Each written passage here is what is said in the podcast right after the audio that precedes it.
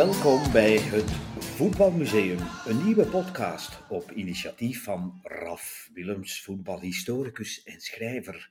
Vertellingen, inzichten, portretten en anekdotes uit het rijke verleden van het spel om de bal. Een eerste serie hangen we op aan de 25 vedetten en ook wel anti-helden van de wereldbekergeschiedenis tussen de Olympische Spelen van Antwerpen 1920, jawel, want dat werd beschouwd als het eerste officieuze wereldbekertoernooi, en de World Cup in Qatar van 2022. Gebaseerd op mijn boek 111 legendarische voetbalhelden sinds 1920. Welkom bij aflevering 14 over Mario Kempis. Kempes is de naam. De wervelwind met wapperende haren. De Argentijnse wervelwind met wapperende haren. El Niño, zo werd hij genoemd. Referentiewedstrijd Argentinië-Nederland. 3-1 finale Wereldbeker Argentinië op 25 juni 1978. Mario Kempes, Buenos Aires, 25 juni 78. Hysterie in het River Plate stadion. Een oceaan van blauw-witte vlaggen begeleidde de oerkreet Argentina, Argentina. Die wervelde als een orkaan over de hoofden van de toeschouwers. Mario Kempes, de Adonis der spitsen, bezorgde Argentinië het wereldgoud. Nederland was kansloos in de verlenging. 3-1 door twee doelpunten van zijn voet. De voetbalonkundige generaal Videla klapte klef in de handen. Het doel was bereikt. De vuile voetbaloorlog tegen het volk was gewonnen. De militaire propagandamachine besefte de passie van het publiek en bombardeerde Argentina tot pronkjuweel van de dictatuur. Kempes en Videla, the beauty and the beast. Schittering en wansmaak. De tragiek van Kempes creatieve voetbalstijl, door bondscoach Cesar Luis Menotti opgedragen aan het vrije volk van Argentinië. Het cynisme van Videla, die Kempes lot onvermijdelijk aan zijn ondraaglijke regime verbond. De schizofrenie van een samenleving schrijnend vertaald door het voetbal. De dwaze op het plein, wier kinderen verduisterd zijn, en die nog steeds de jaren door roepen om gehoor.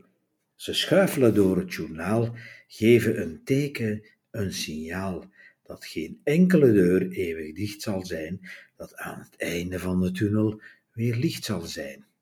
Dat is een songtekst van Herman van Veen, de Nederlandse zanger, en die bracht tijdens de actie signalen van de bevrijdende lach van Amnesty International. Op hetzelfde moment aan de andere kant van Buenos Aires verdween Monica Mugnone. De Britse journalist Ian Guest schetst in zijn beklemmende onderzoek De vuile oorlog, de Argentijnse junta en de mensenrechten, hoe deze jonge psychologe in ware nacht toen nebelstijl werd ontvoerd door de doodserkaders. Ze belanden in het martelkamp van de marine op een steenworp van het stadion van River Plate. Daar bedreven de beulsknechten van de junta hun sadisme. Monica Mognoni verdween en symboliseerde het lot van duizenden onschuldige Argentijnen, de kinderen van de dwaze moeders van de Plaza de Mayo.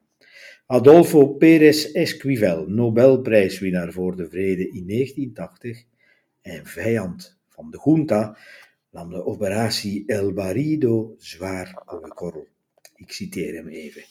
De militairen lieten 200 mensen per dag verdwijnen. Toen de wereldbeker naar Argentinië kwam, vermoordde men politieke gevangenen en op advies van een Amerikaans reclamebureau werd het land verfraaid. Ze stuurden bulldozers naar de Villas Miserias en hun bewoners werden verbannen. In Rosario bouwden ze de muur van ellende. Ze beschilderden hem met mooie façades om de echte krottenwijken te verbergen. Einde citaat. Mario Kempes stamde af van het Duitse geslacht Kemps dat rond 1900 naar Argentinië emigreerde. Hij kende een onbezorgde jeugd in zijn geboorteplaats Belleville in de plattelandsprovincie Córdoba. Naar Argentijnse normen verdienden zijn ouders behoorlijk. Jonge Mario zou economie gaan studeren. De tweede klasser Instituto Atletico Central Córdoba prikte de universiteitsdroom door en lanceerde hem op zijn zeventiende als voetballer. Hij trok de aandacht van de topclub Rosario Central. Een wereld van verschil voor de 19-jarige Kempes, die de familiale geborgenheid van een boerengemeenschap losliet voor het helse leven van de metropool. De studentenstad Rosario predikte een traditie van progressieve politiek naar het woord van haar beroemdste inwoner Che Guevara en een zwierige voetbalstijl. Bondscoach Menotti was een adept van de Rosario school. Die knoopte aan bij het bevallige balspel van Alfredo Di Stefano, Real Madrid, en Omar Sivori, Juventus Turijn. Hij rekende af met het enggeestige Argentijnse Catenaccio van Estudiantes en aanvoerder Ratin van de nationale ploeg, die tijdens de Wereldbeker in 66 door de Engelse media vanwege zijn brutale spel omgedoopt werd tot Animal. De linksbenige Kempes moderniseerde deze stroming van elegantie, intelligentie en durf met zijn snelheid.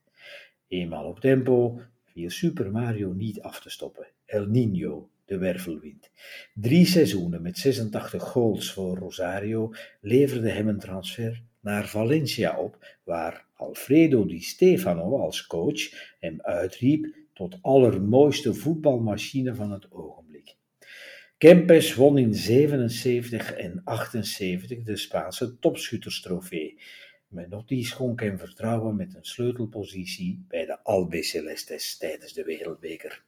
Hij beantwoordde dat vertrouwen met zes doelpunten, telkens twee in de wedstrijden tegen Polen, Peru en de finale tegen Nederland. En dus de titel niet alleen van wereldkampioen, maar ook individueel van beste speler van de wereldbeker.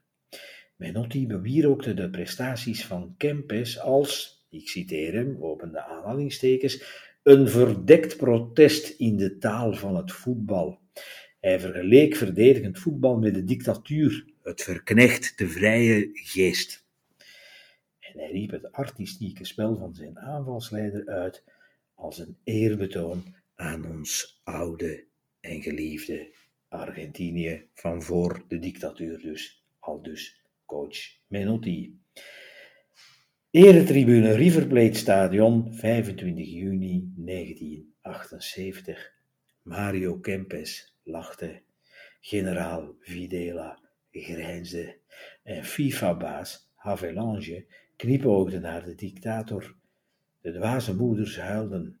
Mario Kempes 276 doelpunten in 494 wedstrijden, Europa Cup der bekerwinnaars met Valencia en landstitel met River Plate, was de goleador van de generaals. Tegen wil en dank, Mario Kempes. Bekerwinnaar van Spanje met Valencia, Europa Cup der bekerhouders en Europese Supercup beide in 1980 landskampioen van Argentinië met River Plate in 81, 43 interlands met, uh, met Argentinië natuurlijk, en ook de wereldbeker van 78. En nadien, met terugwerkende kracht, uitgeroepen tot Ballon d'Or of Gouden Bal, alternatief in 1978. Dus ik herhaal nog een keer, mocht de Gouden Bal toen niet alleen voor Europese voetballers zijn geweest, zoals vandaag het geval is, dan zou Mario Kempes hem volgens de jury hebben gewonnen. Hij werd geboren op 15 juli 1954. En dat was aflevering 14.